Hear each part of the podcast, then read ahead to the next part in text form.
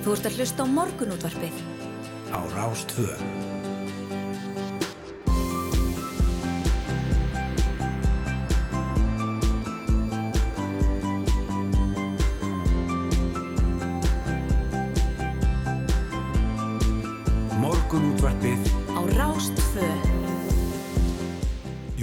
Morgunútvarpið býður góðan dag, förstu daginn 22. apríl, klukkuna vattar tímyndir í sjö og þá er yngvar þóru snæður Sindradóttir sem ætla að sitja hérna með ykkur um, og fara yfir já, mörgu og merkjuleg mál til klukkan nýju. Já, emitt, við ætlum að enda þáttin með aðaleikurunum úr kvikmyndinni Berðreimi því að kvikmyndin kemur í bíahús í dag þetta er afskaplega átak, átakanlega saga um hóp unglingsstrengi sem að koma úr erfiðum aðstæðum og lifa hörðulífi við ætlum að fá tvo af þessum aðaleikurum myndarina til okkar. Þá Birgitta Bjarkarsson og Viktor Benoni Benditsson Já, já, og klukkan kortir í áttam ætlum við að ringja út til Serbíum þar sem íslenska kvennalandsliði handbólta sæki það serbneska heima morgun í lokaleik undankjapni EM 2022 og ef Ísland vinnuleikin kemst íslenska landsliði inn á Europamótið sem heldur verið í november og það er þá fyrsta stórmótið í tíu ár sem íslenska kvennalandsliði handbólta fær á og við ætlum að heyri Þorkilikunar í Sigbjörnsinni í Þrútafrættamanni sem er í Serbíu með liðinu. Emitt, svo er það kostningalaðarpið yngar? Jújú, eins og já, framhefur komið þá ætlum við hér í morgunúttarpunum reglulega að fá að heyra viðtal eða viðtöl úr þáttunum aðunum þeir koma út þrið þátturinn kemur út já, í kvöld og í þessum þættir ætti Kolbein Martinsson framkvæmstjóra Atikli og Stefáni Óskarsdóttur stjórnmúnafræðing um kostningapartuna fram að þessu. Og þá er fjallam beint íbúaliðraði og Róbert Bjarnason framkvæmstjóri íbúa eh, segir sveitarfjölu í meira mæli sjá kostina við það að leita beint til íbúana með ákveðin mál. Og við Guðrún Haldunadóttir rættum við hann um íbúa liðræði og spurðum hvað þessi sjálfsegna stopnun sem er ekkur betri Reykjavík og betri Kópó og, og betur Bangkok Já. til að mynda eh, hvað hún nákvæmlega gerir og hvernig hún varð til Einmitt. En uh, hér upp klukkan halv átta þá ætlum við að ræða þau fjöldamörgu verkefni sem að Rauði Krossun hefur þegar við kemur uh, mótöku flótafóks Það er auðvitað mikill fjöldi sem að kemur frá Úkrænu þessa dagana ja, síðast ef við tjekkum þá voru þau reynilega 700 held ég sem Já. eru komin. Uh, þannig að það er í nógu að snúast. Við ætlum að fá til okkar hann Þóri Hall Stefánsson sem er verkefnastjóri í málefnum umsækjanda um alþjóðlega vernd. Já, já, mitt og síðan er það frétti vikunar Það er nú að spjallum þar. Já, mitt, það er ansi margt sem að þarf að ræða þar. Það er máliðinni lauruglunar í tengslu við leitina að strókfanganum það er Íslandsbankamáli, það er ebling, það er, já, það er bara eitt og annað, það eru stór mál þessa vikuna og til þess að fara yfir frettu vikunar með okkur fáum við til okkar Helga Saljan, rannsóknaritt stjórar stundarinnar og Margreði Erli Mokk, frettakonu á Ringbrödd sem verða gestur okkar. Já, já. Og svo þetta var að byrja þáttin á að ræða fugglaflensuna sem hefur verið uh, á landinu, hún hefur aðeins búrið á henni undanfarið, fugglar hafa verið að dreppast og það er eitthvað að gerast í eldei og það þurft að að uh, lóa fjölda hæna á, á bóndabæ hér í grend við Reykjavík. Þannig að þetta er hérna, já já, þetta er bara það er ansið margt sem að uh, svona, já, þetta hefur komið með með trukki við getum orðað þannig. Já. Uh, við ætlum að ræða þetta, þetta málu vanna Brigitte Bruger, dýralekni, alifuglinga sjúkdóma hjá matvarastofnunni upphafið þáttar. Já, já, með mitt en við erum hér með fórsýður eh, bladana, morgunblassins og frettablassins og það getur rétt að renna örstuðt yfir þau. Ehm, hér á fórsíðum morgunblansins kemur fram að borgaryfirvöldi í Mariupól óttist að rússar hafi grafið á pilunum 3000 til 9000 líki fjöldagröf sem nýlegar gerfi nattamindir hafa fundið í þorpunu Manhús sem er í nákvæmni borgarinnar og er á valdi á rússa. Og samkvæmt Maxar Technologies sem tók myndirnar byrtust grafirnar fyrst á tímabilinu 2003 til 2017 mars og þeim hefur fjölgað nokkuð síðan. E, og þetta, hérna, Vladimir Putin rúslandsfósiti listi yfir í gera rúsar hefur náða að frelsa Mariupol en setið hefur verið um hana frá fyrsta degi innrásarinnar. Emitt, já, já. Hér á fórsíðu morgum, nei, frettablasins afsakaðu er, um, já, frettum uh, bílasöluna bensinlaus.is Hér segir, um, svo ég vitni bara beint í frettina, forkálvar bílasölunar bensinlaus.is eru sagaður um stórfælt sveik af fyrirverandi starfsmönnum og allir lífurist þegar sem keftaðum bíl fyrir þrem mánum fær engin svör um hvað hann er. þess að Jóhannes Þór Jóhannesson ellilífuristegi sem hefur ekki enn séð nýjan Ford Mustang sem hann kifti á bensinlaus.is fyrir rúmum þrejum mánuðum þann 11. janúar síðastlinn og greitti bílasölunni 1,5 miljón við undirskrift samlingsins og afganginn 6,4 miljónir fjórum dögum setna. Hann segir hérna, bílasalinni svar ekki síma og munur núna verið komin til Marbella á Spáni. Hann hefur reyndið að rifta sölun en án árangurs og lögmaður hans vinnir á málunum sem hefur verið tilkynnt til lauruglu og er aðgerðað við hennar hálfu að vænta að sögum Jóhannes að þós. Fjóri líkil starfsmenn bílasölunar gengur nýverið á dýr vegna þessara viðskiptaháta en það er að fara inn í aðstóðar framkvæmtastjóri, sölustjóri, yngöpustjóri og mannustjóri. Þetta er forðunlegt mál. Ég Já. hafði ekki heyrt af þessari bensin, nei þessari bílasölu, Nei, bensinlaus. einmitt, einmitt. Þetta er mjög áhugavert. Þegar hér á fórstíðu morgunblassis er líka rætt um eh, strandveiðar sem við höfum nú fjallað nokkuð um hér í þessum jú. eins og Andi Svavastóttir matvalar á þeirra segir í morgunblæðin í dag að hún muni sjá til þess að 10.000 tonn af þorski verði strandveiði pottinum á þessu tímabili og með 1500 tonna viðbót mun aldrei hafa verið var ástafað stærri hluta af leifulegum hildarafla í þorski til strandveiða. Og e, það er hér sagt í taktiði stefnu Vafgi að festa strandveiðar enn bautur í sessi. Þá segir hún að horfa þurfi til þess að innlega kvata við fiskveiðar til þess að hvetja til orkuskipta þegar séu komin verkefni á Íslandi sem miðið orkuskiptum á smábátum. En orkuskipti í sjáurútvegi er ekki bara mikilvægt loftlags- og efnaðismál heldur einnig mikilvægt fæðum öryggismál segir hér í morgunblæðinu. Emmitt, já, forðunlegt. Um, það er rúglega eitt og annað hér inn í blaði að finna en að, á forsiðu fréttablaðsins er askaplega skemmtileg mynd af uh, börnum sem voru að berja á bumbur og einum af mörgum viðbyrðum Big Bang hátíðarnar í Hörpu í gær. Markmið hátíðarnar sem komið var að fóta ára 2010 er að auka aðgengi barna að tónlist og hér er bara heill flokkur barna með uh, þetta eru múrbalar sem Já. eru hérna fest á þau eins og trommur og svo eru þau með svona uh, trékjuða sem að þau hérna berja á. Þetta hefur verið mikið uh, mikið, mikið læti og gaman að heyra. Góður fakt, taktfast. En Já. það eru líka börn hér á farsu, eða þess að blasju 2 í fréttablaðinu. TM mót stjórnunar fyrsta stórmót sumarsins hófst í Garðabænum í gær. Þetta er semst stórmót í Knatsbyrnu Uh, en því líkur á sundag og á myndina má sjá pilda úr sjötta flokki gróttu og afturrætninga takast á. En einnig ekki eftir kvennaflokki og í sjönda og áttunda flokk og í sjönda og áttunda flokkum. Það spilaðar fimmannabolti hver leikur er klukkutími? Já, það er uh, klukkutími fimmannleið já, já, það er hérna. Það er hart. Það er það að þóli það held ég. Já, það sé alveg ljóst. það er hart. Eh, En uh, hér í morgunblæðinu örstuðt er líka rætt við Jón Gunnarsson dósmálar á þeirra Hann segir að já, afskipti lauruglu af afsaklusum úlingspilti tvísar og eina við sólarhing við leita þessum strókufanga þau séu afar óhefileg og lauruglun á höfbrukarsæðunum lýsir enn eftir þessum unga manni sem straukur hérastómi Reykjavíkur síðasta þriðdag Einmitt. Jú, jú, hann, uh, það er aldrei að vita hvað Helgin Berri sköld sér í þeim efnum. En við fyrum að skipta yfir á frettastofu og heyra hvað þau hafa að segja um atbyrði morgunsins og næturinnar. Nú eru fermingar í fullum gangi. Hér eru hugmyndir sem gagnast og gleðja. Í Svefn og heilsu færðu heilsurum á fermingartilbóði. Svefn og heilsa listhúsinu, Akureyri og svefnogheilsa.is. Shades flugustangir, Sims vöðlur, allt í fermingapakka veiðimannsins. Veiðihornið síðumúla. Flottur leikjastóll með RGB lýsingu á tilbóði aðeins 29.990 fyrir fermingabarnið hjá Tölvutek. Gefðu góða gjöf sem gleður. Við erum í Hjeðinshúsinu, Seljavegi 2.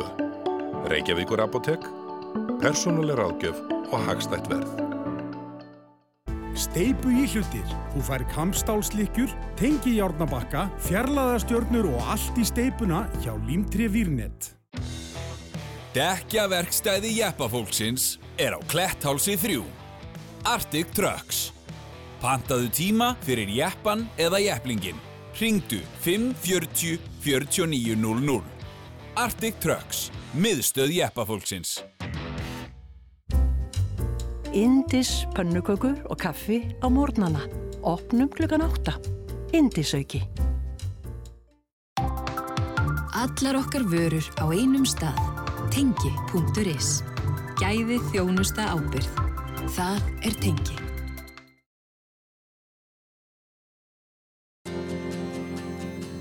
Þú ert að hlusta á morgunútvarpið á Rástvö.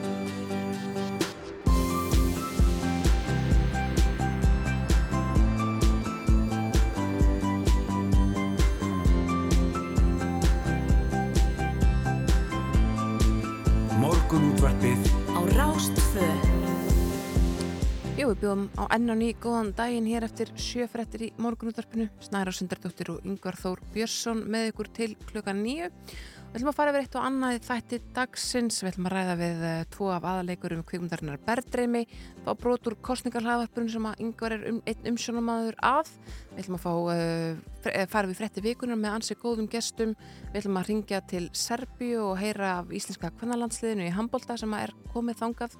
Við ætlum að fara aðeins yfir þau verkefni sem eru hjá Rauðakrossunum vegna mikils fjölda flóttafólk sem nú kemur til landsins og hefja þáttuna að ræða við dýralækni um fugglaflensuna sem komin til landsins. Já, með mitt, en uh, að rétt að fara fyrst yfir veður og færð hér á landinu. En yfir landinu leikur hægfara háþrýsti svæði yfir helgina og vindar eru því almennt hægir og létt skíað við að skvar að sumstaðar þókuloft við sjávarsíðuna. Nú læðar drag vestur á landinum veldu þó austan strekkingi við suð austurströndina fram af degi. Og sumstaðar lítisáttar vætu vestalands en fremur hlít veður yfir daginn líkur á að hita út geyslun yfir nóttina valdi nætur frosti inn til landsins. Og það lítur út fyrir kólandi veður eftir helgi og væti með köplum er líður á vikuna. En ef við lítum bara á daginn í dag þá er suðausslag átt 3-8 metrar á sekundu en 8 til 13 siðst skíjað og sumstaðar lítsaltar væta en létt skíjað norðaustan til og þóku bakkar við austurströndina. Og byrtir viða til í dag en áfram skíja við suður og vesturströndina og hitti já alveg 8 til 15 stygg en eins og sagði hann líkur á næturfrosti. Já, já, við höfum ekki miklu ágjör að því. Nei, það er allavega heiðskýrt hérna í morgunsárið á norðanverulandinu og bara hlít og, og myllt. Já, gott. Hér á vegagerðunar kemur fram að þessi greiðfart á öllum helstu leiðum á Suðvesturlandi hafa hólur myndast víða og það saman má segja á Vesturlandinu. Á vestfjörðum er, er vegur 63 frá Dyrjandisheiði niður í Trostanfjörð nú fær fjóru sinum fjóru bílum og það eru aukstaþungi 2 tonn. Á kapli í botni í veðilisufjörðar á ströndum en ánast ófært eindreifis bílum. Já, já, Dyrjandisheiðin er þar vegurinn mjög blöytur og á köplum og getur þau verið erfiður fyrir eindrifsbílana. Mm -hmm. Á Östurland eru reyndir víða á ferðu og Suðurlandi hafa hólur myndast eins og víðast hver annars þar. Uh, við svo sem rætt þessar hólur aðeins þetta um, einstaklega þungur vetur þá einfallega kom um, já, hérna svona kemur vatn niður í malbyggið og frýs og sprengir upp. Já, já, akkurat og margilend í einhverju tjónu vegna þessa e, og e, Já, já, það er hérna gott að fara varlega. Já, er það ekki bara? Það sé bara ágættis orð þegar við leggjum að staðinni fyrir hana Það er nú allir á, á Tenerife held ég núna þannig að hérna, fólk þarf ekki að ágjörða þessu Ég er ágjörða að það er allir á Tenerife. Eða París, alls er margir í París? Já, einmitt. Hefur þið séð það? Já, ég voru varfið það einmitt líka á samfélagsmiðlum. Ég bara, hérna, bara hvað tilbúð misti ég af Parísar, ég hef bara aldrei séð hann en spjölda þar. Já, já, þeir sem hafa tökka að taka frí í dag verðast alltaf að gera það og, og, og hérna, lengja aðeins í þessu páskafrí Já, um að gera. Skulum að heyra eitt lag, uh, já, fyrir þau sem fóru um mitt norður um páskana þá er þetta lagið Akureyri með Árni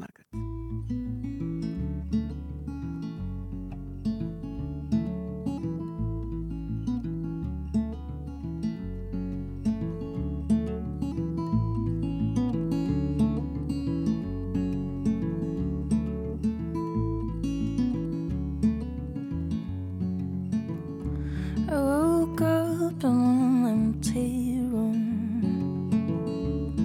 Woke up without thinking of you. The day was peeking in. I sat up and held my chin.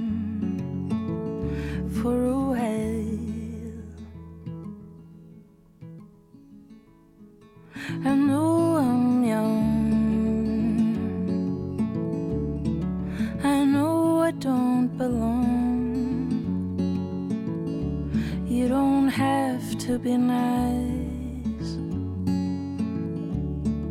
I've heard it all a million times. The cup sitting on the counter. It's been there for days.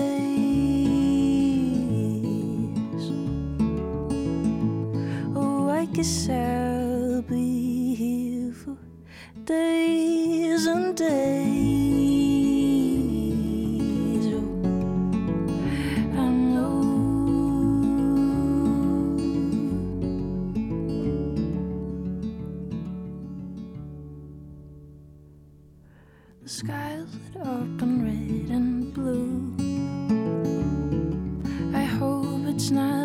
Because of you, but my worn out thoughts are tethered to forgotten words said by you. Oh, I know.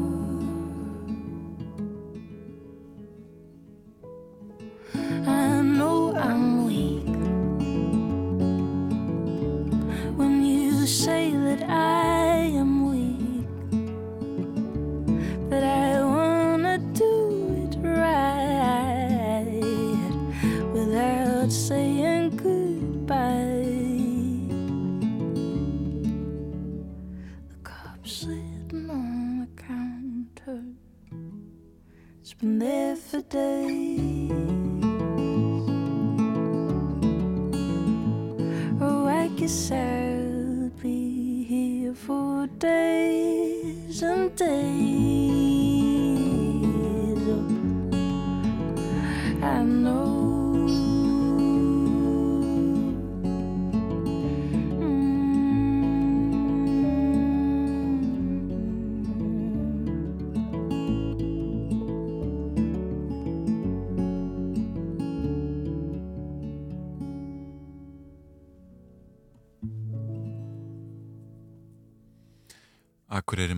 Nýju Margreti þetta er notalegt hérna á, á förstu degi en um, ég við nefndum nú áðan hér að mál um, strókufangans sem tölvört hefur verið rættum og, hefur verið mikið í fréttum eftir að, já, laurugla hafði afskipti af unglingspilti í tengslu við leitina í tvígang. Uh, þetta er náttúrulega áhugavert mál og, margar spurningar að vakna. Já, og hann byrti mynd af sér á uh, samfélagsmiðlunum Instagram í gerkvöldi fyrir en það byrja 8 klukktímum síðan. Byrju hvort?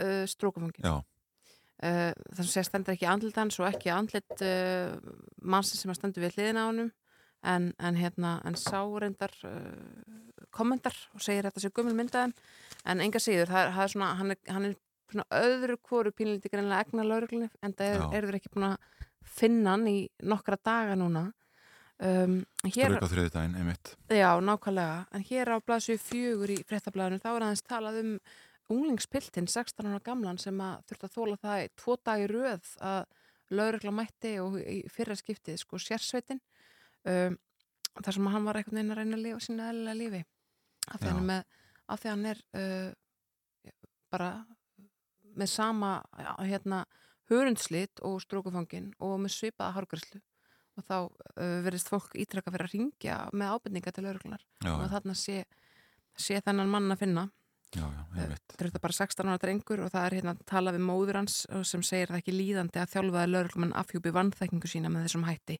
en strókufangin sér 20 ára aldrei að menn sonur hennar sér 16 ára aldrei Mm. og var raun, raun, raun að setja skipti stattur í bakari með móður sinni Það verður að teljast ólíklegt að e, ég myndi maður halda allavega að strókufangin væri annarkvort í, í strætó eða með móður sinni í, í bakari Já, e, á meðan hann flýr undan lauruglunni. algjörlega. Það hefur margir sem hafa verið bent að það á samfélagsmiðlum undanfattan tvo daga að þetta sé e, rasismi. Ekki allir sammála því samt. Einhverju vilja meina að lauruglan verði að bræðast við ábyrningum og þá sé það kannski ekki endilega rasismi lauruglunar sem að þarna séum að ræða heldur Einmitt. frekar uh, þess, já, þess fólk sem er að ringja til þess að tilkynna þennan dreng Já, einmitt. Það var til að mynda að rætti Margreti Valdimarsdóttur, doktor í afbrótafræði og, og lektor í lauruglufræði við háskólinn á Akureyri í kvöldfjörðunstöða 2 ger Einmitt. og hún einmitt talaði um það að, eh, já, einmitt að lauruglan sé þarna að ábyrningum borgara og þetta atvik eitt og sér sé ekki merkjum eitthvað rasisma í lauruglunni. Nei, einmitt þetta er hérna, það eru margir fletir að þessu máli, það verður að segja alveg eins verð. En uh, hér eftir skamastund ætlum við að ræða við uh, Bryggitt Brugger, uh, dýralækni hjá matarastofnun um, um fugglaflensuna. Já, Já einmitt. Það, hérna, hún, hún er skæð. Já, hún allavega verðist alltaf að vera það. Við vonum það besta.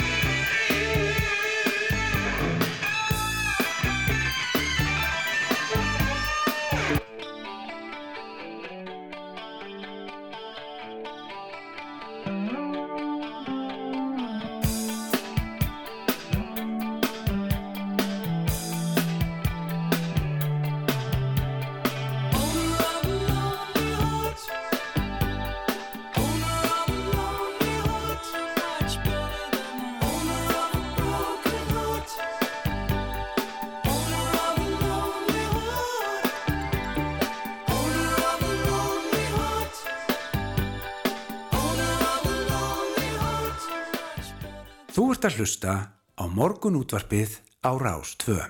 Jújú, það hefur löpið eitthvað fyrstagur í playlistan hjá okkur Owner of a Lonely Heart. En uh, það hefur borðið á fugglaflensu á landinu og uh, við, hún er komin á línuna hjá okkur Brigitte Brugger, dýr, sérgrinni dýralegnir sem hefur með heilbreið og velferð alifugla hjá matvalastofnun að gera. Góðan daginn Brigitte. Já, góðan daginn Uh, sko, það, það er þetta hefur komið að þessi rætt að manni finnst, það eru svona ný tíðindi einhvern veginn á hverjum degi af, uh, af þessari fugglaflensu hver er staðan núna? Uh, sko bara staðan núna í dag er einmitt að við vitum að fugglaflensa hún er komið til landsins, við fundum hann í vildum fugglum og það hefur þegar einmitt komið upp eitt tilvík í hænsfugglum í hálfti manna, það sem smitt hefur komið upp á og þeir hafa, þetta er mjög sterkur grunnur um að þeir hafa smitast af, af vildufuglum Og það sem við erum að gera núna þessa daga, við hefum bara fengið fjölmarka ábendinga frá almenningi um hérna funda döðum fugglum og reyndar líka á veikum fugglum og við höfum tekið sín og erum bara að býða niðurstaða sem berast vonandi mjög fljótlega. Já, og þá veitum við meirum útbreysluna á landinu.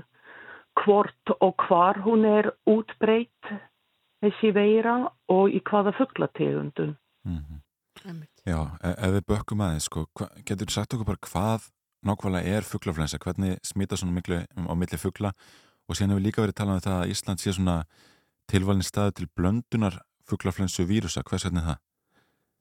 Já, sko, fugglaflensa þetta er veirusúkdómar af, af er influensu A-veirur sem valda þennan sjúkdóm og þetta eru veirur sem hafa uppbrunalega fyrir svona 20 árum verið bara erlilega til staðar í vatnafuglum, í andfuglategundum og fyrir bara miklu lengra síðan. Þær bara hafa verið bara, þeir veira hann notur bara verið til lengi lengi en hafa ekki valdið sjúkdómi alifuglum eða bara mjög lítið hafa verið fá tilfelli. Síðan hafa þessar verið náð að smita álifugla og hafa það bara orðið verið skæðar og sem sagt þær heita það bara skæðar fuglaflensu verður af því þær hafa verið bara skæðar fyrir hansfugla sem eru vikæma fyrir smiti og hafa drepið þær.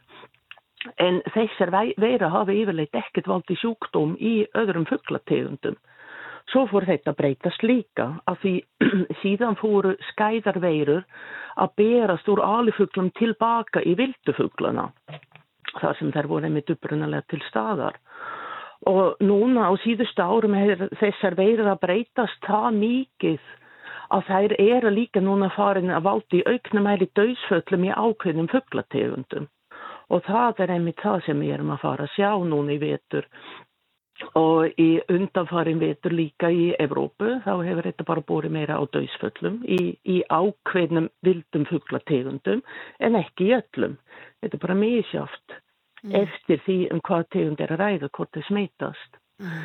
En það sem hefur líka sínt sér fram í álflóðfjóðlegum rannsóknum og vöktun í vildum fugglum er að það hefur bara síst svona 2012-13 þá komu hérna bandaríski vísindamenn og tóku hérna með íslensku vísindamennum eh, rannsökuðu hérna úbreyslu í heilbreyðum vildum fugglum sem síndu bara engin enkenni, bara frískir fugglar og fundu mótefni í þessum fugglum og fundum líka fugglaflensu veirur sem þeir rannsökuðu og fundu út úr því að þetta er um, bland af veirum af Norður Ameríku og Evrópu að semsagt hér á Íslandi út af ferðum farfugla geta veiru komið saman og blandað.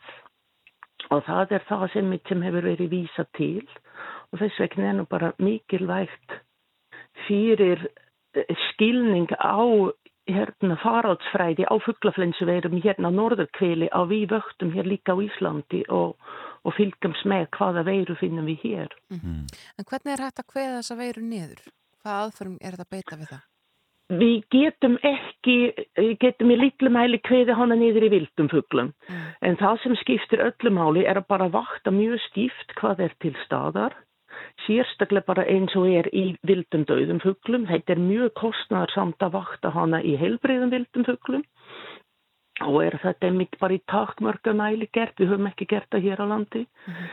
en það skiptir máli að greina hann í alifugglum og til að kveða hann niður allir í alifugglum þá þurfum að greina hann hratt þá og grýpa hratt inn.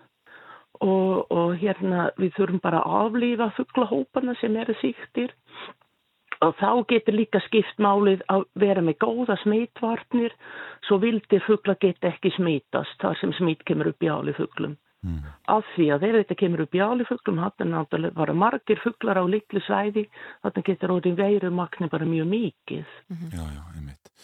En, en hvernig heldur þessi mál þróist núna næsta árum? Heldur að veiran verði skæðar og skæðari og, og, og hérna drægi fleiri fugglar til döða? Já, það er það sem er verið að sjá núna, til dæmis í Evrópu.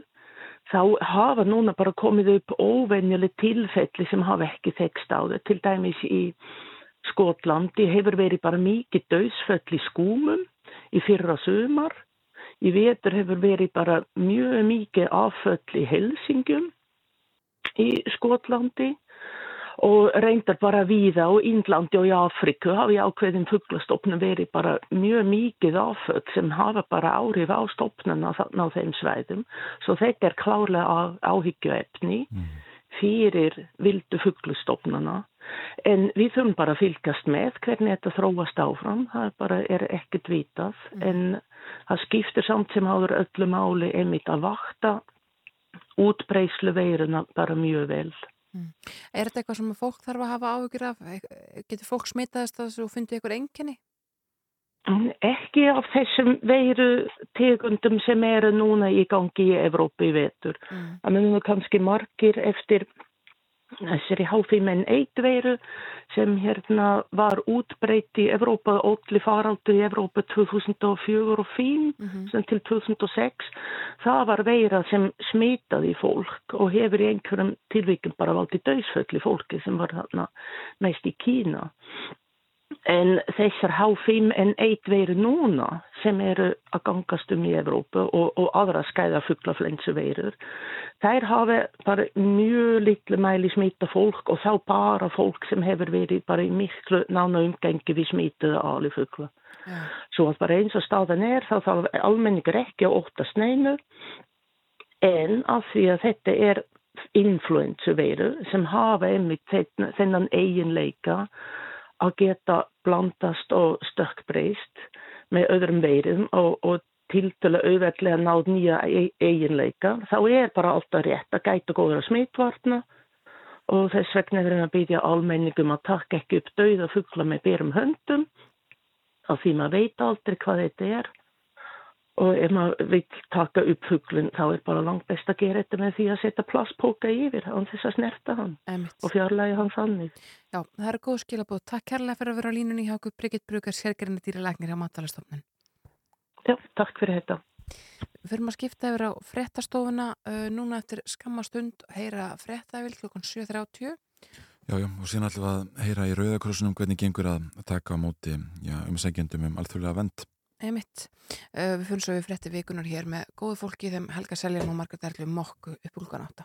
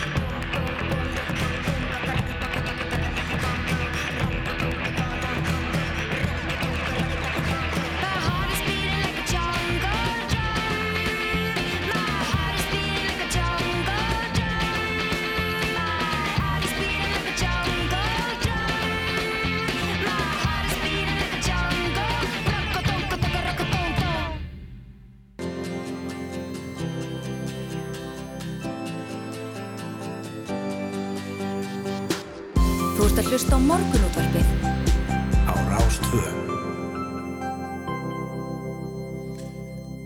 Jújú, morgunúttarpið heldur hér áfram aðlóknu frétta yfirliti. Eh, það er í mörg horna að líta hjá Rauðakrossunum vegna Mikils fjölda flóttafólks sem nú kemur til landsins og Þóru Hall Stefánsson, verkefnastjóri Rauðakrossins í málöfnum um að segjandum alþjóðlega vend er komin ykkar til okkar. Góðan daginn. Góðan daginn. Hvað séu, hvernig er álæðið hjá ykkur núna? Uh, álæðið hjá okkur er, er töluvert. Það hefur nú verið frekar mikið í, í daldi langan tíma um, en náttúrulega núna með með hérna, því sem er að gerast í, í Úgrænu þá, þá hefur, uh, hefur aðeins bæst í það er ekki hægt að segja annað mm. Sko þið sjáuð ekki beinlinni sem um sko móttöku flótafóksins en það hafið ímis verkefni sem eru samt tengd þeim. Hver er þessi verkefni?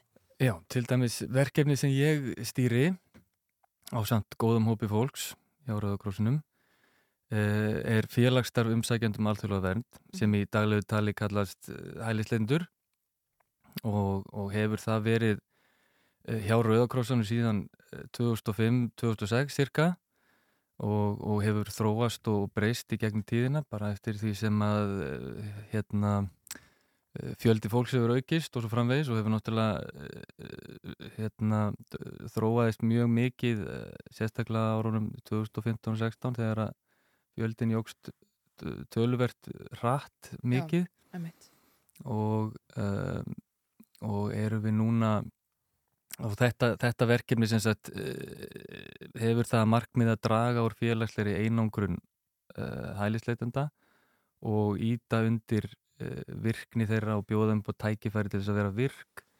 og, og hitta fólk í, í okkar tilfelli þá mm. sjálfbóðliða Rauðakrótsins og svo náttúrulega annað fólk í, í svipari stöðu og það sjálft. Já, já, en umsækjendur hafa verið nokkuð einangraðir að fundi fyrir þeirri tilfinningu, að vera einangraðir í einhver tíma? Já, þetta er náttúrulega, þetta er náttúrulega stórt, eh, stór áskorun fyrir fólk og, og, og fyrir okkur hjá Rauðakrossinum að, að takast á við er náttúrulega að fólk, fólk sem er að flýja heimilisitt af ýmsum ástæðum og endar hérna á Íslandi það það er náttúrulega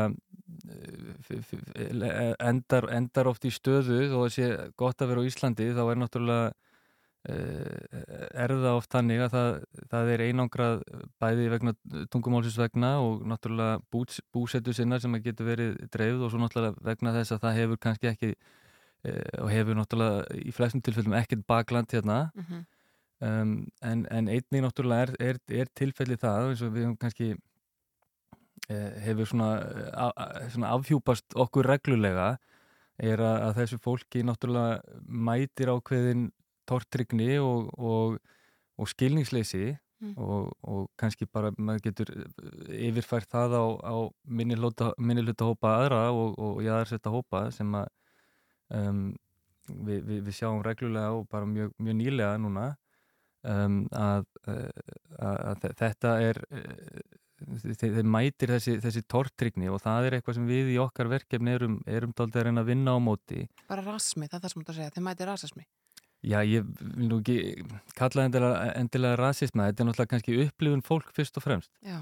Og það er það sem að og, og það er þá kannski ímislegt sem spilar þar inn í, það er náttúrulega kannski við, við þurfum aðeins að Uh, náttúrulega erum, erum þannig sér tiltöla ný í þessum málaflokki og þurfum oft kannski aðeins að uh, hérna, vanda sérstaklega til verka og, og yfirleitt tekst okkur mjög vel upp. Og ég held mm. að uh, það sé ágætla að þessum málum staðið hérna á Íslandi.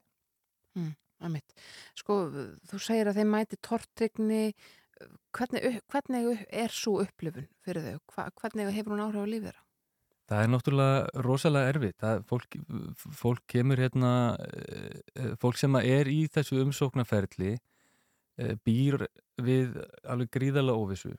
Veit ekki hversu lengi það kemur til með að býða, veit ekki í, í, í flestum tilfellum, veit ekki hver útkoman verður og svo framvegis. Og, og hefur lítið við að vera hérna. Þannig að þetta, þetta hefur alveg gríðarlega áhrif á á, hérna, á fólk, á einstaklinga og náttúrulega sérstaklega þetta er kannski þetta útaf fyrir sig er, eh, er í raun og veru áfall mm -hmm. og van á kannski röð áfalla sem einstaklingur hefur orðið fyrir á, á hérna, ferðarlægisvínu hinga til Íslands þannig að þetta er eitthvað sem við þurfum alveg greinilega að vinna með hjá Rauðakrossin Mm. og við gerum það í okkar verkefni með, með því að, að, að búa til vettvang fyrir uh, skjólstæðingu okkar, hælisleitur í þessu tilfelli. Og, og reyndar annað flótta fólk líka, hvort sem það er þá komið með kennitölu eða ekki en, en við í, í, í mínu tilfelli erum við í, að, mest, í, að, að mestu, lægi, mestu leiti að, að hérna, uh, horfa til hælisleitunda og svo búa til vettvang fyrir hælisleitur og svo sjálfbúðlega til þess að koma saman og uh, skapa einhverja virkni eða jafnvel eh, í sinni einföldustu mynd bara eða góðri stund saman Mhm. og það er það sem er svo rosalega merkilegt, rosalega mikilvægt og kannski, það er kannski það sem að hérna er svona afleðingin af, af þessari einangrun sko, það, það vantar þessa, þessa mannlegu snertingu og, Mm. og þessa mannlegu tengingu og fólk finni e, í raun og veru að, að það er fólk þarna úti sem að hef, sem að e- er andum stöðu stöðu þeirra og það er það sem sjálfbóð, sjálfbóðlegar okkar gera Mm. Heldur að upplöfun þeirra sem koma frá Úkrænu annars vegar og hins vegar þeirra sem koma frá öðrum löndum sem mjög ólík Um, nei, ekki endilega, en ég held að í mörgum tilfellum eigi eh, hérna, þeir sem kom frá Úgrænu eigi einhverja fjölskyldu og vini hérna. Það er það sem, það sem ég hef allavega heyrt en um, þetta er náttúrulega svo sem eh, alltaf gerast voðalega hratt þetta með Úgrænu við höfum ekki fengið mikið af fólki frá Úgrænu inn, inn í verkefni okkar. Um, við erum núna á uh, tveim stöðum á landinu, við erum með félagsstarf í, hér í Reykjavík, í Árskóum félagsmiðstöðin í Árskóum, fjögur í mjóttinni, svo erum við með hérna, uh, mörg verkefni í, í, í Keflavík eða í Reykjavínsbæ uh, og þegar ég segi félagsstarf hælisleitenda þá er þetta svona reglívar hugtak yfir mörg verkefni sem er í gangi sem eru hérna miða því að ná til svona ólíkra hópa innan þessa samfélags. Mhm. og um, Eh, og svo erum við að fara að opna núna fljótlega, vonandi við erum svona, ætlum að reyna að hafa svona smá stoltið veglega opnun á þessu starfi og það, það verður nýra á Vitatorgi, samfélagshúsinu þar. Og það er að sjálfsögðu gert uh, svona, sem svar við uh, auknum flóta fjölda fólks frá Úkrænu en að sjálfsögðu eins og allt sem við gerum þá er það opið fyrir alla aðra hælisleitur í raun og veru. En hvað með fjölda sjálfbúðaliða sem þið hafið á ykkar snærum? Sko, þurfið að bæta í þar eða er bara komið gott í byli? Nei, sko, við, við um, tökum alltaf við uh, góðu fólki Já. og um, hjá, hjá mér er ég doldið kresinn á, á fólk, þegar ég bara eins og er, en það er náttúrulega út að bara eðli verkefnisins er þannig að, að fólk þarf að vera opið og jákvætt og tilbúið að gefa af sér og, Mhm. og, og, og svo framvegis að, en, en ég er alltaf tilbúin að tala við hérna, fólk sem hefur áhugað að slást í hópin Mitt. Og fólk gerir það bara hérna á rauðakrossum.is eða eitthvað svoleiðis? Já, bara sækja um á heimasvíður Rauðakrossins og, og, og þá hérna svo verður haft samband við, við komandi Bestamál. Þórur Hall Stefansson, verkefnastjóri hjá í málum umsækjandum alþjóðlega verðandi á Rauðakrossunum. Takk kærlega fyrir komuna í morgunóttarpið. Takk fyrir mig.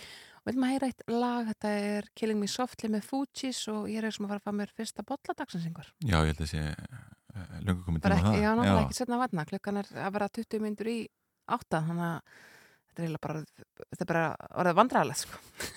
Strumming my pain with his fingers, singing my life with his words, killing me softly with his song, killing me softly with his song, telling my whole life with his words, killing me softly with his song.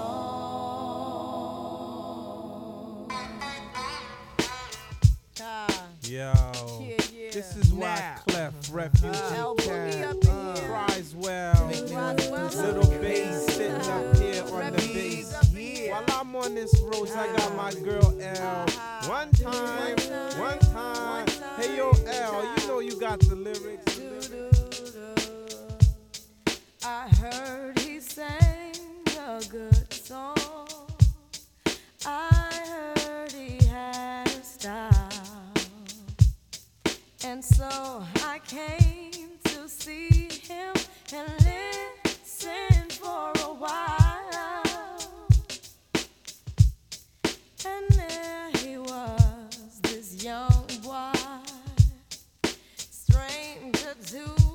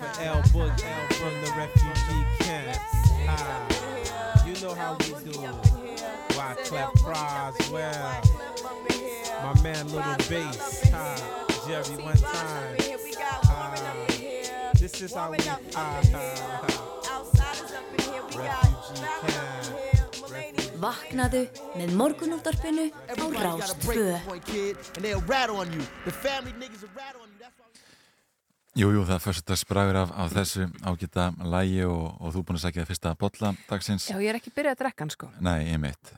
Þeir alltaf koma. Þetta er náttúrulega langbæsti bollin.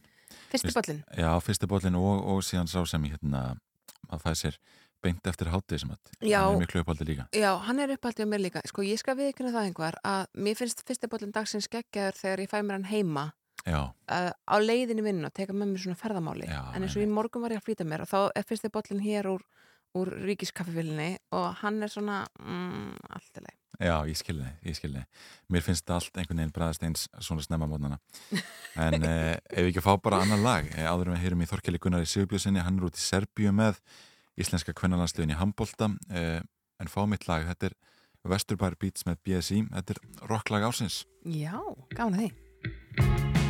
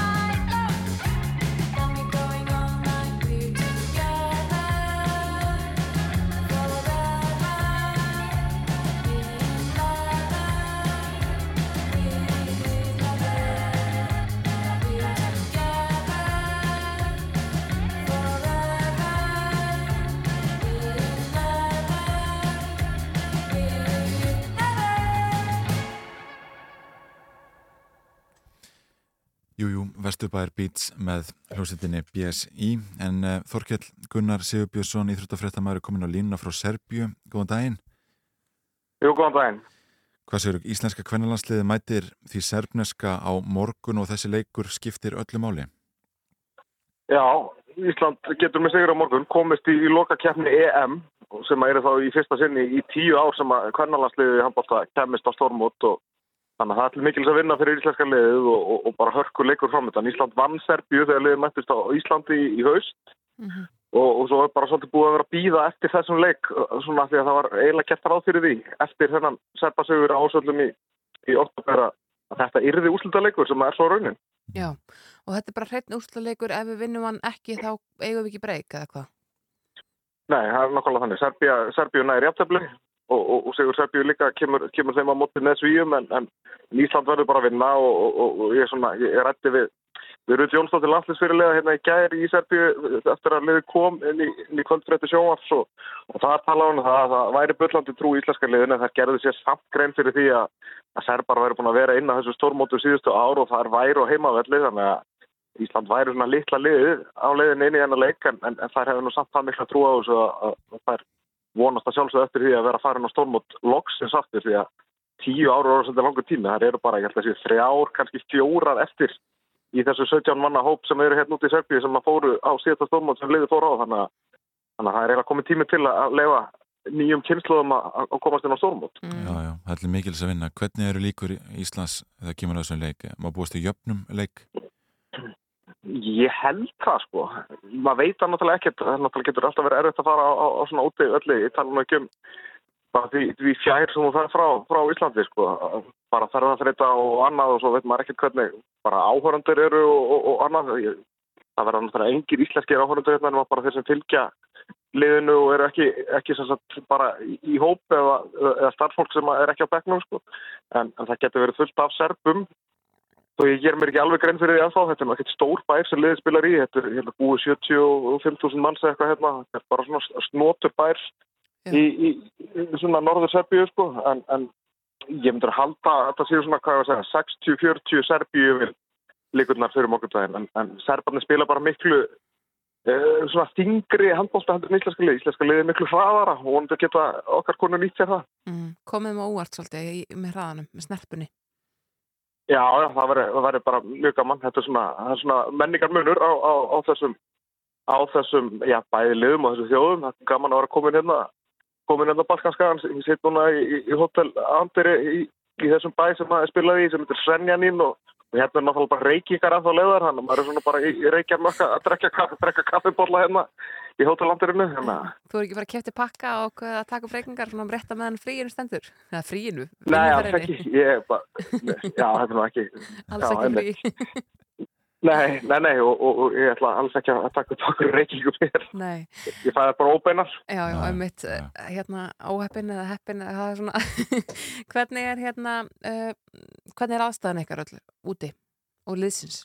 Hún er bara fín, það er hæfa nú ekki fyrir setnipartin, það er bara gerðdagurum var bara ferðardagur, það spiluðu við svíja þarna á, á miðugudagskvöld og, og, og voru náttúrulega bara að klára þann leik um hálf tíu og svo voru það komna bara upp í rútu fjögur um nóttina, bara einhverjum, hvað, sex tímu setna um það til eftir að leik lög og, og svo var bara allur gerðdagur um ferðardagur, þannig að það er fengið að sofa út í dag og eru bara svona hendið að fara tínast í morgumatt og, og við fáum að hitta þær bara svona þegar líður á daginn og, og leiðu þau nú bara aðeins að anda og, og ná sér þannig að það verður nú bara sem best í stakk búnar fyrir henn að leika á morgun og, og vonandi fer hann sem best ég svona held, held að við eh, allavega hvað mig var þar fyrst mér er verið að renna svolítið blind í sjóun ég svona, ég óttast að þetta getur verið mjög erfitt en, en, en ég vona það að þetta verði bara hörkuleikur og, og helst ljúki með því að Ísland komist inn á stormót loksins aftur. Einmitt. Uh, leikurinn hefst klukkan, uh, sko útsending hefst klukkan 20 myndur í fjögur á morgun. Já, og leikurinn er sjálfur klukkan fjögur. Já, einmitt. Uh, og EM stóðan hann á undan með, með spekingum, veistu hverjir verða í settinu? Já, ég held að það verður bara Kristín Guðmundsdóttir og Anna Úrsula Guðmundsdóttir. Anna Úrsula var nú í þessu landsliði sem fór á þessi stórmót þarna 2010, 11 og 12. Já, já. Þannig að hún hefur þá reynslu og Kristín Guðmundsdóttir náttúrulega alveg grjóttar og, og var nú í landsliðinu tíma líka. Þannig að það eru mjög flottar. Já, já. Er einhver hópur íslendinga úti núna að fylgjast með liðinu?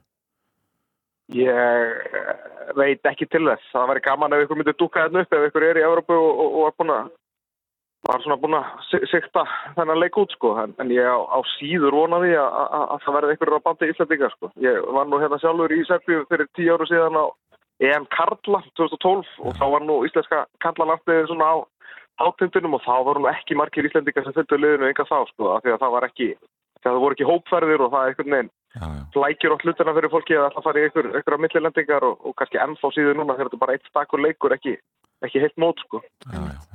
Þorkett Gunnar Sigurbjörnsson, við vonum bara að þú hérna, sérst heilla höldu komið þér út úr þessu óbeina reykingaskíi sem að þig gangi. Já, ég hef ekki mikla ágjör af því. Ég hef meira ágjör að leikum á morgun en, en, en, en mjög spenntur. Já, gott. Gangi ykkur öllum vel. Takk hérlega. Já. Jú, jú, við fyrir að fá áttafréttir hér eftir nokkra myndur og allir sínaðar að fréttir vikunar eins og alltaf á föstum. Það er hérna nóg sem ættir að ræði þetta. Það er Já, að það. þau kominga til okkar Helgi Seljan, rannsóknarriðstjóri stundarinnar og Marget Ella Mokk, fréttakona á Ringbraut. Þau ætla að koma að ræða við okkur fréttir vikunar. Það er, já eins og það sagðir, ansi margt sem þarf að tala um. Já, já, en fyrst fréttir. Þú ert að hlusta á morgunútvarpið. Á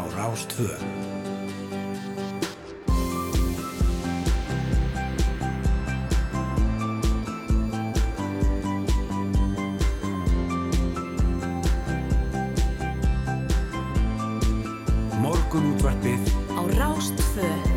Jú, áfram haldum við hér í morgunútvarpinu. Það sagði aðan í áttafréttum að það væri að byrta til og ég sónaði bara út þegar það kom. Ég heyri ekki meira að það var nóg fyrir mig í dag, það var först ár. En við ætlum að fara við fréttir vikunar, það eru komin góðu gæsti til okkar yngvars, þau Margrét Ella Mokk og Helgi Seljan verði kjartanlega velkomin, kæru vinnir. Takk fyrir. Takk. Það er hansi margt að frétta í uh, ja, bara liðinni viku og eitthvað neina yfir páskana og allt Já, þetta. viku sem var ekki lengri vinnuvika en þetta líka. Nei, það er alveg já, magnað, sko. Met, sko. Nákvæmlega. Ef Við byrjum kannski bara aðeins á málöfnum lauruglunar og, og uh, strókufangans sem, að, að þeir, hérna, sem hljóp frá þeim í hérastómi á þriðudag. Mhm. Það mál er eiginlega með ólíkindum. Já, uh, auðmikið þessi sko 16 ára drengur sem er þarna bara umsetin og, og hérna umsetin á afskaplega skrýknum stöðum. Ég veit ekki hvort að strókufangi myndi taka strætó, þetta minnir svolítið á það sem að hérna hvað er bæjastörin í Moselsbæ sem að sá fyrir sér að glæpamenn myndi nota borgarlínuna. Þú veist, hérna og, og hérna, jú það er kannski líka fallegt að ég myndi sér að strókufangi fari með móður svona í bakaramestarinn að fá sér bakkelsi, skilur og það er falleg von í því. En sko það sem að mér finnst sko sárast í þessu er það að þeir, þegar þeir taka hann hann í, í strætónum þá skilja hann eftir. Mm. Þegar þeir fatta að þetta er ekki rétt, rétt manneskja. Ja. Í staðan fyrir bara að taka hann með sér og hérna, hey, við ætlum að ringi fóreldræðina og við ætlum að hérna, fara eins yfir þetta og okkur langar að vita hvernig þið líður og þetta er svo ómanneskjulegt. Þetta er svo ofbáslega hérna, tillitslaust. Já. Fyrir ekki, fyrir ekki eldri mann en þetta sko. nei, nei, en ég, og það er alveg rétt sko, ég, ég var nú svo sem eitthvað að gera grína þessi gær, en, en þetta er náttúrulega ekki til að gera grína, því að en, stóra málið í þessu held ég að, og þetta, þetta mál sýnir okkur náttúrulega bæði það sem gerist um leið og er uh, líst eftir Gabriel og svo Mhm. þarna í framhaldina því er náttúrulega bara hvað við erum ofbóðslega rassísk sko. og, og það er náttúrulega og ég held að þetta sé, þetta er svona svipað eins og með fyrir hrun þegar við heldum því fram að, að það væri engin spilling á Íslandi og ef það væri spilling á Íslandi þá væri hún eiginlega bara svona Svona dúlluspilling. Já, svona krútleg, svona. Já. En við erum bara bullandi rassísk og það er rosa fyndið með þetta sjá líka, og það er líka og, og maður sér fólk nota þetta sem afsökun að, hérna, að það skellir fram einhverju svona augljóslega rassísku og segir svo ég verð nú seint sagaður um að vera rassisti bara, þú veist, þetta eru vel rassísk og ég meina, Kanski umdilt sem ég segi núna. ég held að þeir, þeir séu mestir rassistar sem að, emitt, fullir að það að þið séu það ekki því að Veist, það er að mörguleiti líka bara partur af því að, að vera til og alast upp í einsleitu samfélagi. Það er að veist, vera hrættur við eitthvað öðruvísi og eitthvað breytingar og, og, hérna, og við verðum einhvern veginn að gangast við því. Og, og þetta kristallaði svolítið í viðtalinu við hérna, bæjastjóran fyrir vestan Mhm. sem að saði um uh, þessa episódu þarna með stittuna Guðrunu Þorbjarnadóttur að hérna að það væri asnalegt að leggja eh, þú veist, vogaskál eða lóð, lóð tímans á, á hérna, eh, vogaskálar fyrir tíma eða hvað hann sagði þegar hann var að tala um að, Lóð fyrir tíma og askal og samtímars. Já, að hérna, þetta væri svo hérna uh, hann hefði sjálfur eh, borðað negrakossa og sungið um tíu litla negrastráka og eitthvað, það hefði ekkit verið rasíst en vandamálinn var að það var rasíst Mhm. við bara einhvern veginn töldum okkur trúum að það væri það ekki sko. Og, það, og það, kannski líka bara því að það voru svo fáir sem að einhvern veginn urðu fyrir því þegar við vorum uh, á þessum tíma skilur að, að, en nú erum við bara orðin öðruvísi, við erum breytt og það eru Heimurinn er að það er ekki komin bara einn svartur maður hérna heldur eru Mhm. konir bara tveir, Tveir. svartir menn og þeir eru bara meira þess að uh, í augum einhverja svolítið líkir að þeir eru með svipað hár uh, og þar að leiðandi einhvern veginn ringir fólk á lögguna og telur líklegt að, að, að þessi maður sé hana og, og það sem kom þarna fram líka þegar hann týndist eða, eða stríkur Mhm. er einhvern veginn þetta viðhorf þessi hérna ég fór að ganni mín að skoða það og svo sem ekkit, endilega var ekkit öll að sjá það en, en ég meina það er líka til fréttir af því þegar Gabriel var í úlingalandsliðin í Körfubólta það var engin að Mhm. heimta, það var engin að gera aðtóðasendur við það þá, hvort hann væri Íslendingur eða hvort hann væri hérna eða, eða hvort að þetta honum úr landi sko. Einmitt og þetta er drengur sem hérna, þú veist bara á sér sína glæsilegu fortið hérna líka sko. Og einmitt og bara þetta hérna, hversu mörg komment sá maður sem var bara "Hva- hættu nú að hleypa þessu inn í land? Mm. Sistra Spáður eru, þetta, eru að hérna, spila með unglingalandsleginum Já, þetta er, þetta er bara hérna og svo er þetta þetta svo, ekkert svo kemur bara ein, þú svara, fyrir, svara til saka fyrir það sem hann gerir af sér og að sjálfsögðu og það er ekkit, ekkit hérna, þú veist, en, en mér, mér lauruglega líka þetta smá vorkun einhvern veginn að lendi í þessari stöðu og þetta, þú veist, en þetta líka, þú veist, Já, já, ég, um veist, ég alveg hló í fyrsta sinn, ég hló alveg með þetta strætómál, mér fannst það alveg fyndið og sagði bara, já, já, þá veitum við hvað verður gert þegar hann náði hann í stekjunina hans í framtíðinni, Mm. þú veist, en svo bara daginn eftir. Þetta er bara alveg tráma, sko. Mhm. En er þetta einhver leiti merki um rasisma innan lauruglunar? Ég held að, nei, Nei, ekkit, bara, ekkit, ég held að þetta sé bara mannesku blinda, almenn, sko, já, já, ég, ég og, held og hasar. já, er, ég meina það er náttúrulega, ég held að þetta sé ekkit endilega, þau eru ekkit endilega að snúast um það og ég held að þetta snúist líka bara um það, þú veist, að, að hérna, miklu frekar um það að Hröð vinnubröð, of Já, hröð já, vinnubröð. það- menn er ekkert að hlaupa til og eitthvað svona en svo er þetta líka bara þetta það, það, það, það sem kemur upp er þetta ofbós, þessi ofbáslega reyði út í laurugluna og það er svo stu, það er grund á henni líka í þessu Mhm. samfélagi og ég held að það sé líka umræða sem það er að fara að taka þú veist að, við, veginn, við hittum aldrei laurugluna nema þessi vesen Mhm. Þú veist, það, það er búið að fækka lauruglumönnum uh, um einhvern uh, bara heilan helling uh, þá í hlutfalli við það hvað, hvað okkur hefur fjölgað og allt þetta þannig að lauruglan er í dag þá erum við einhvern veginn orðin vönði að við sjáum aldrei laurugluna nema þegar við viljum ekki sjá hana Mhm. og hún kemur og, og hérna, Svolítið eins og þig, Helgi Seljan.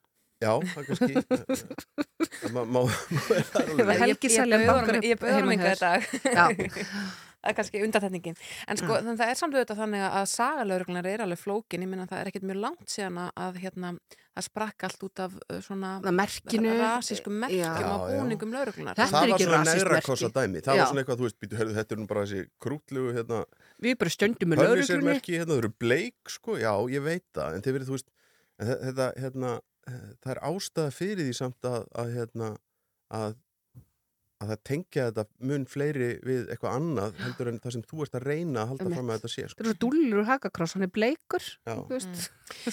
En ok, færum okkur aðeins af því það voru svo ansi mörg mál í Já, vikunni. Tölum aðeins um uh, sölun á Íslandsbanka. Það var auðvitað stort viðtal við Katrín Jakobsdóttur fósitsræðara í Kastljósi í vikunni sem vakti uh, vagasagt aðtikli. Mm. Horfið þið á þann þátt? Já, þetta var epist viðtal.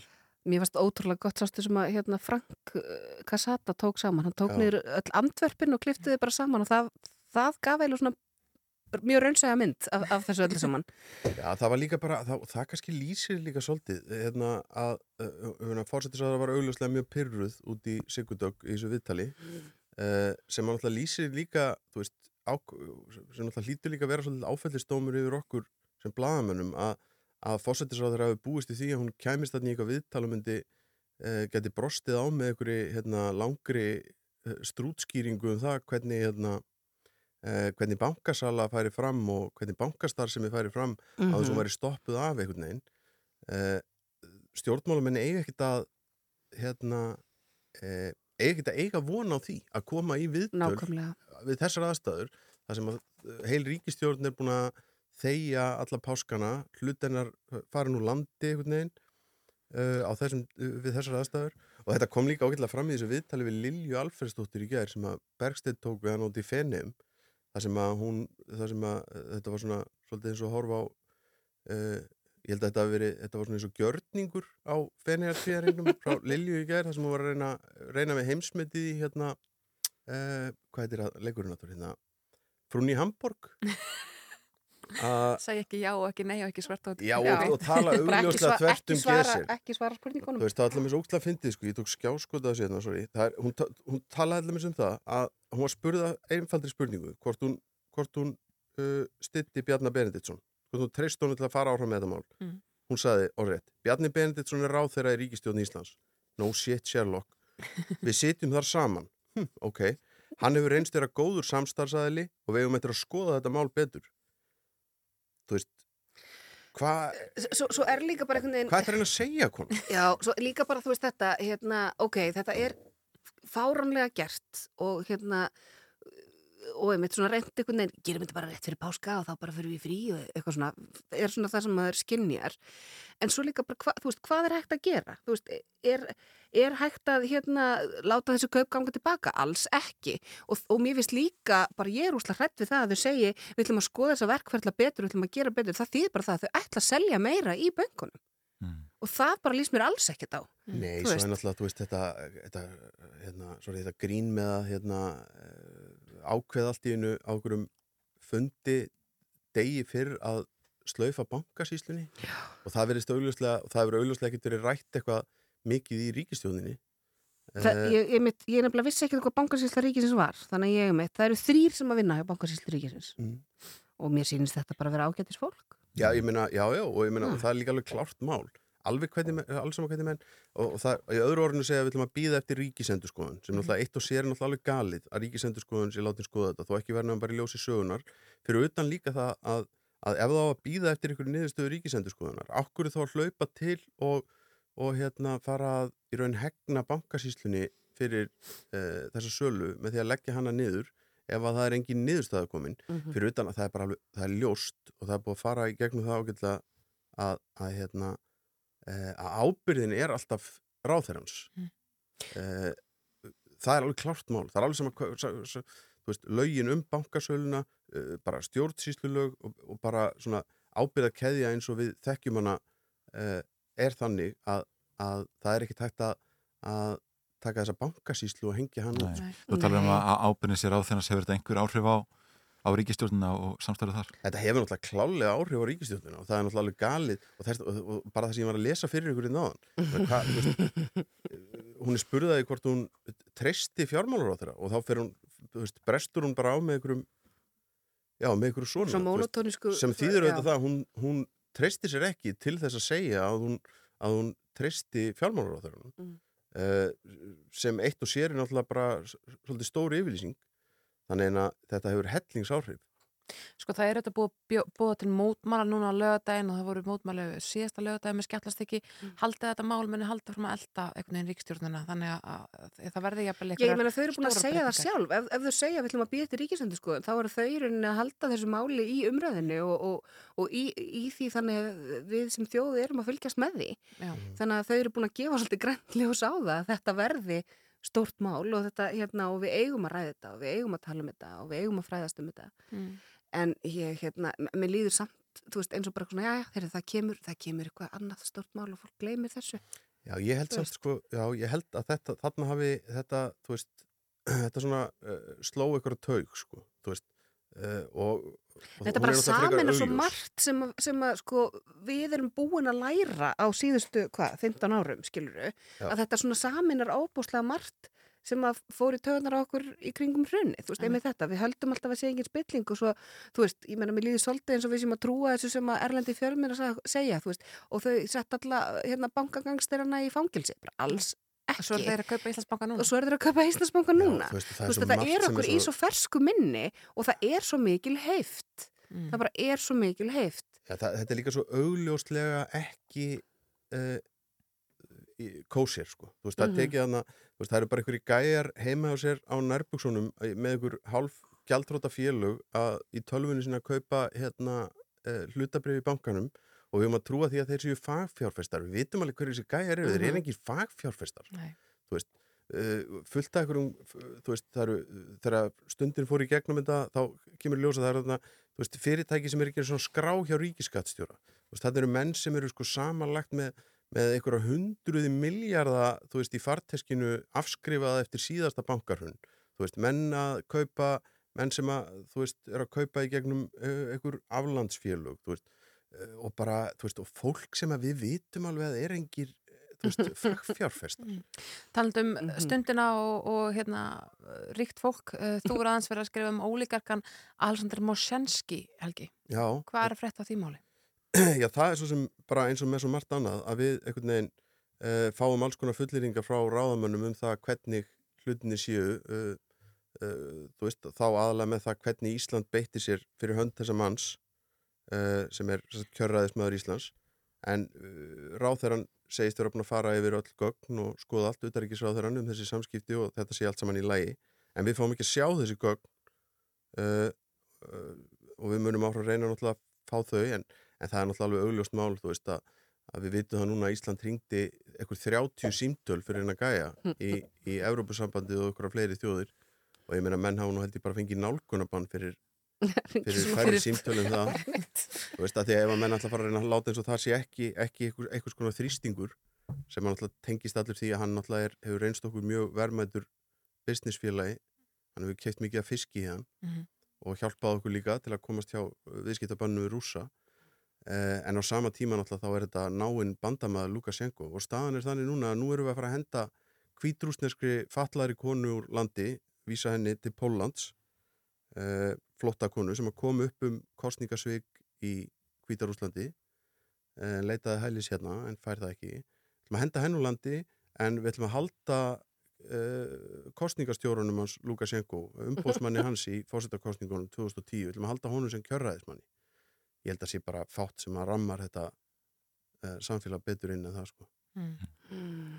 Talandum Póland, uh, Ebling, það voru hans sem margar uppsagnir þar. Þetta var geggja Mjög gott segvei. Hérna, já, uh, ég sko, ég, ég, ég sko, mér langar að innrama auglýsinguna frá hérna eblingu að því að þetta er svona, þetta minnum, þetta minnum á Dimmisson búningin okkar, við vorum stakkanóvismin við vorum sérst yfir hérna, yfir hamingisamt rúsnest verkafólk í pressuðum skýrtum Það þarf ekki að taka það fram að Margrét Erla Mokk var í mentaskólinu við Reykjavík. Í Reykjavík segi hámentaskólanum uh, og við lærðum nallan á rúsnesku og sungum hann víða og var Já. bóðið á kostningaskrift nei á hérna, skrifstofu framsóknarflokksins af því að þá var Jónina Bjartmans nýkomið frá Rúslandi og, og Atli Freyr sem var hér lengi þulur og rás eitt hann hérna, þýtti kostn, einhver svona áráðurspjöld fyrir hana. Uh, en hérna þannig ég fekk svona lítið í hjarta með því að sjá þetta en þetta er um, smá klaufalegt, ég meina við sjáum þetta samt alveg á vinnumarkanum að fó- fólki, veist, fólki er sagt upp og svo er þú veist endur nýjað endur nýjað ráðningasamband en þetta er gert svo aftur ómanneskjulega og einhvern veginn svona finnst manni erfitt að þetta sé þetta verkaleysfélag því þú veist, ef þetta hefði gert einhver staðar annar staðar þá hefði ebling beitt sér gegn því sko. Já, þetta er náttúrulega bara þetta er bara svona óviðurkvæmilegt. Já og svo svona er, svo líka þú veist eins og hafa nokkru tjáð sig bara hérna það er verið að auðvitað starfum þetta aftur en hérna ég tala ekki íslensku nú ekki kraf um það. Þú veist eins og, eins og eitthvað, en það er svo mikilvægt að hafa málsvara þeirra sem tala ekki íslensku innan þessari skrifstofu til dæmis. En já þetta er hérna já já þetta er eitthvað gott Nei og það sem þarna, líka svo klikka við þetta er bara, sorry, að það er, þú veist, það stór hluti af þessu fólki sem er verið að, sem er að missa vinnuna þarna, er fólk sem var ráðið á síðasta valdatíma þessa fólks í félaginu, þannig að maður veldi fyrir sér sko býtu, e- ef að þú ert búin einhvern veginn að ráðin fullt af fólki á, þú veist, gæti hugsanlega verið að vandamáli lægi að að einhverjum pínulitlum hluta hjá þér? Mm. og svo alltaf kemur Solveig fram þú veist, og, og talar um að, að, að hérna, það sé mjög hérna, vannstilt umræða og þetta sé allt saman hérna, og það er allir að miskilja og, og þú veist, bara, já, ok en það, þú verður þá líka svolítið að útskýra það betur fyrir okkur og ég tala ekki um þegar þú ætlar að taka og se, segja upp tugum manna á ein, einu bretti þá er ábyrðin svolítið þín að útskýra það hvers vegna þú ferð í hópuppsagnir eh, á skrifstofu stjættarfélags þannig að þú getur ekki saka alltaf alla aðra um að miskilja þig. Þetta er líka sko, bara við vitum það öll sem hér setjum að missa vinnuna eða vera sagt upp. Þetta er ekkert bara eitthvað, ja, heyrðu, höldum áfram. Nei, þú veist, þetta hefur bara mikið áfall. brjálaðisleg áhrif á sjálfmyndina þína og, og hérna, og þú veist, og, og ég tala nú ekki um kannski fólk sem er, af veist, sem er í þessari stjætt sem að kannski upplifir sig látt sett og kannski að bara, það er ekkert um auðvöðan garða gresja á vinnumarkaði heldur, sko. En þetta er, þetta er ótrúlega skrítið. Ótrúlega skrítið. Ég, og ég, er, ég er að vona að það kom eitthvað meira fram. Ég Þú veist, ekki, já, ég, ég bara, ég næs ekki og mér finnst líka, og mér finnst það svo sem, þú veist, það kom hann jú á endanum eitthvað, uh, það er ótrúlegt að fylgjast með Ragnar Þór Ingólfsinni til dæmis, Meina, þetta er félagsfólk hans Mm. og þú veist, það var allt í hennu bara eins og einhver hefði korkað hann, bara allt í hennu var hann komið með eitthvað rosa fyrirvara að það væri nú kannski ekki alveg rétt að, að vera með miklar yfirlýsingar um þetta og, og, og hitt, þú veist, sem er nú ekki beint alveg í karakter, sko. Mhm. Það hvað tók að Vilhján Birgisson tvær vikur forst, nýjan fórsetta starfskriðar sambandsins að segja þetta hefði líklegast verið mistök. Veist, hvað, hérna, eh, fólk verður, verðum líka að gera kröfum um menn séu svolítið samkvæmi sjálfum sér, sko. Uh, þannig að ég, mér finnst þetta, já, ég allavega, ég skil ekki alveg, hérna, uh, ég fatt ekki ástæðuna fyrir þessu og ég fatta heldur ekki, þú veist, hvernig fólk getur bóðið upp á þetta og presentera þetta eins og þetta sé í lægi. En Við ég- við komumst ekki lengri í þetta skiptið því meður við þurfum að fara yfir í, í, Froskarnir í fréttir. Garðabæ. Já, Helgi Seljan og Margrét Alda Mokk, takk fyrir að koma til okkar.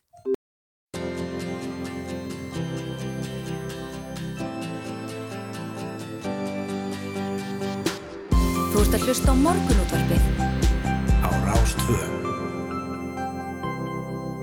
Jú, frétta við litað baki og morgun útvarpið heldur hér áfram. Við ætlum að heyra brot úr kostningarlaðarpi rúf hér eftir smá og ætlum síðan að fá leikara kvikmyndarinnar Berdreimi til okkar hér í lok þáttar í föstudags viðtal. Eða spurning hvort þið fáum í eitt lag fyrst. Já, þetta er glæða nýtt þryggja tíma brúðköp eftir Jóa og Króla.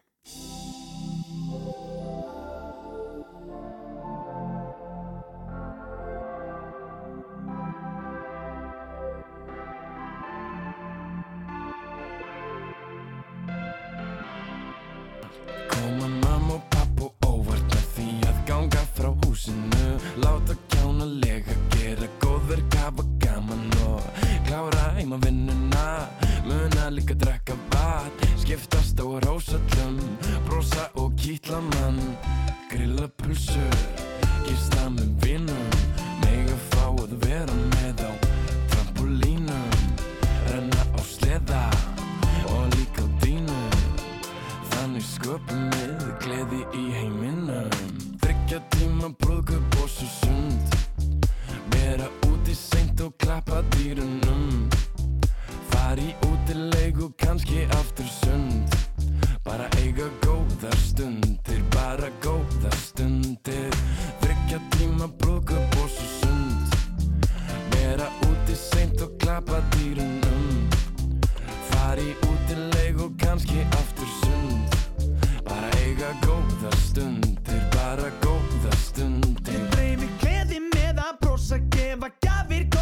gott að sofa Far í sumabústa, syngja, telja stjörnurnar að ofa. Hjálpa fólki ekkert stríð, halda frið og eignast vini Far í tölvuleik og fimmleika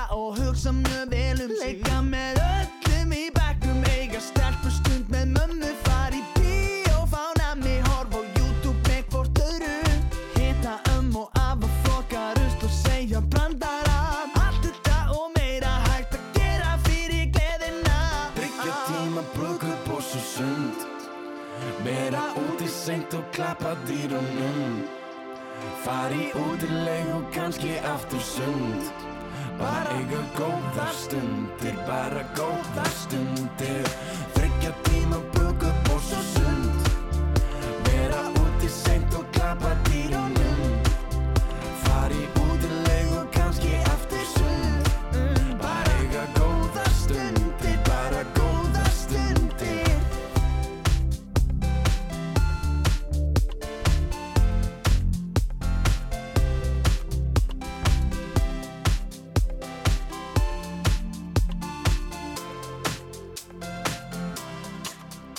þryggjartíma brúðköp með Jópi og Króla, þetta var lag barnamenningar átíðarinnar núna í ár en þriðið þáttur kostningarhlaðvarps rúf fyrir sveitistjóna kostningarnar 14. mæ kemur út í kvöld og eins og framhauðu komið ætlum við hér í morgunútvarpinu reglulega að fá að heyra viðtöl úr þáttunum áður en þeir koma út og í næsta þætti, þættinu sem kemur út í kvöld rætt við Kolbein Martinsson, framkvæmdastjóra Atikli og Stefáníu Óskarsdóttur stjórnmálafræðing um kostningabartuna fram að þessu og þá er fjallaðum beint íbúa líðræði.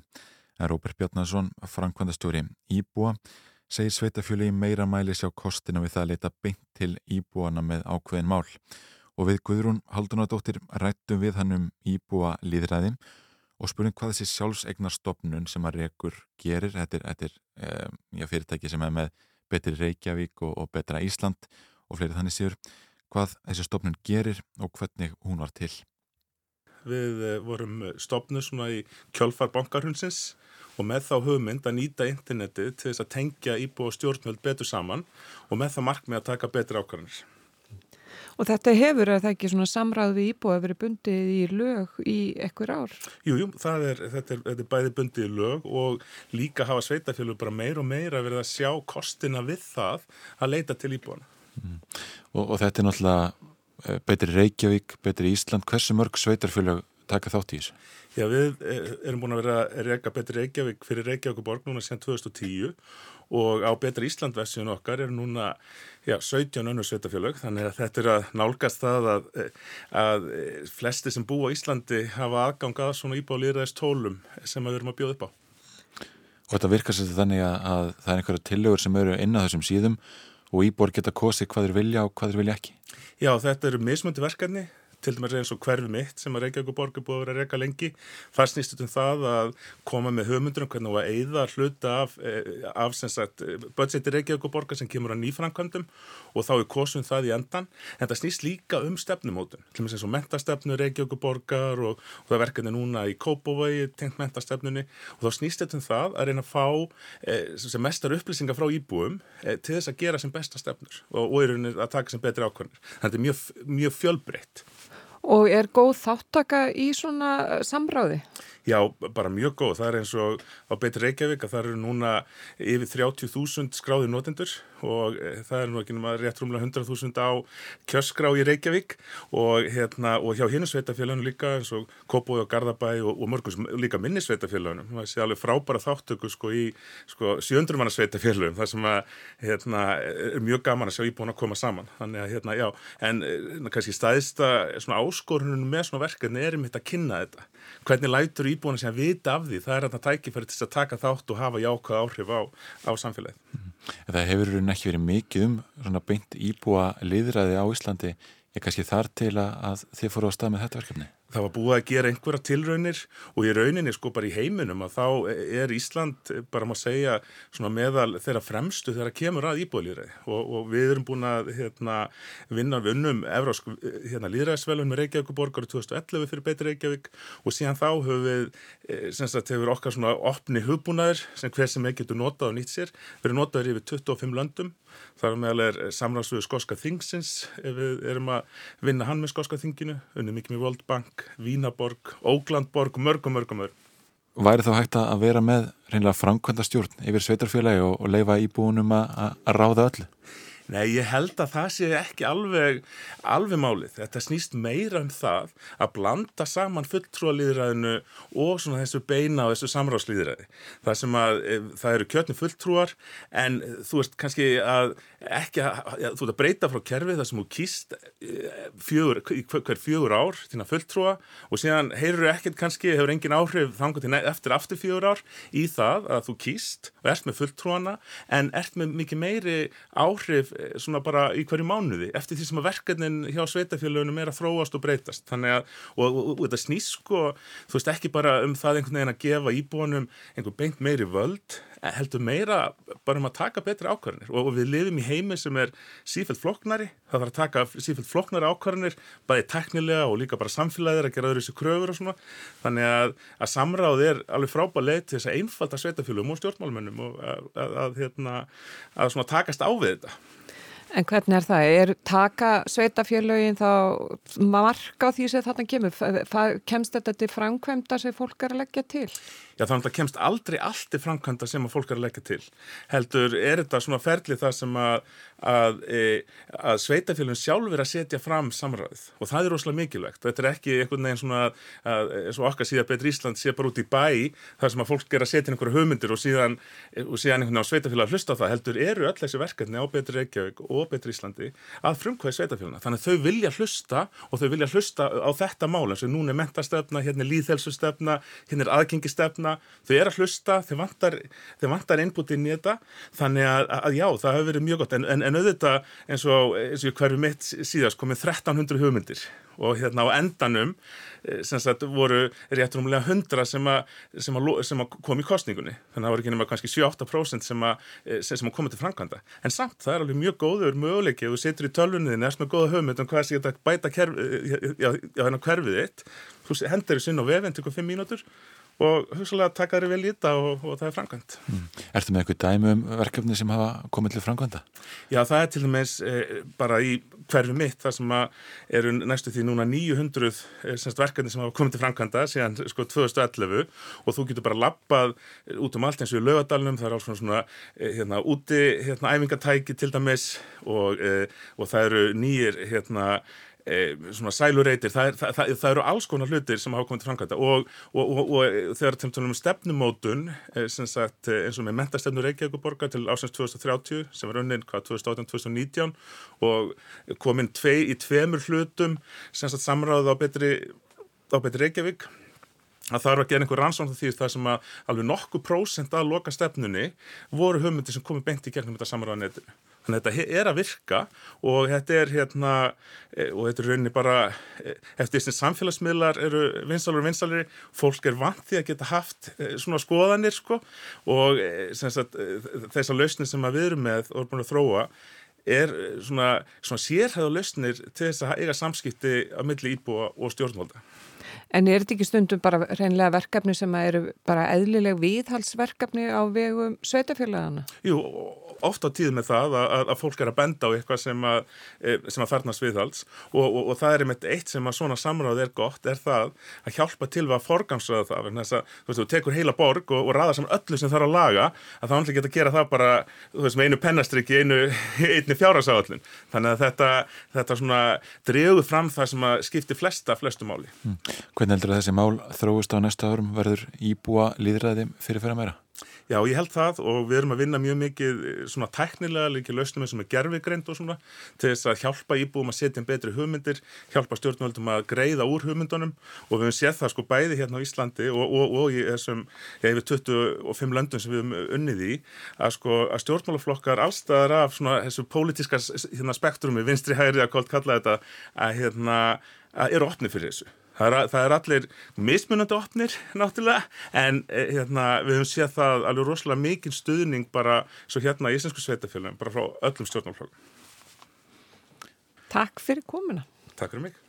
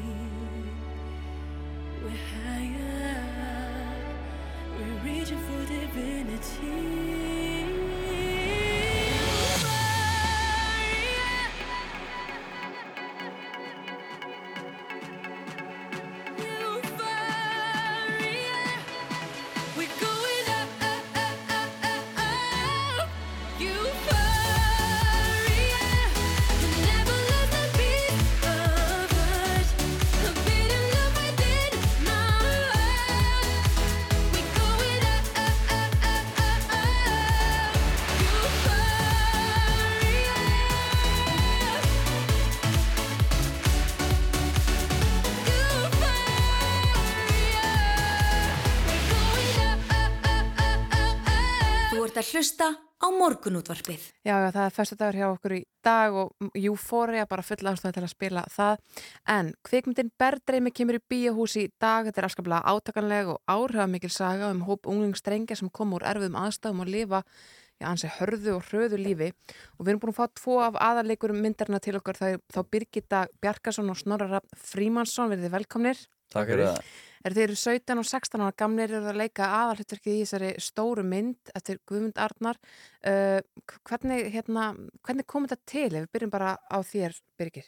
Uh, já, um, hérna, ertu að tala um bara svona hvernig... Ég bara hvernig, bara hvernig gerðist þetta? Að þú varst all- alltaf að leika Sko, aðalhutverk. Ég meina, hefur leikið eitthvað áður? nei, ég hef ekki leikið áður. Þetta er bara fyrsta sem ég hef leikið bara í einhverju. Já. Já.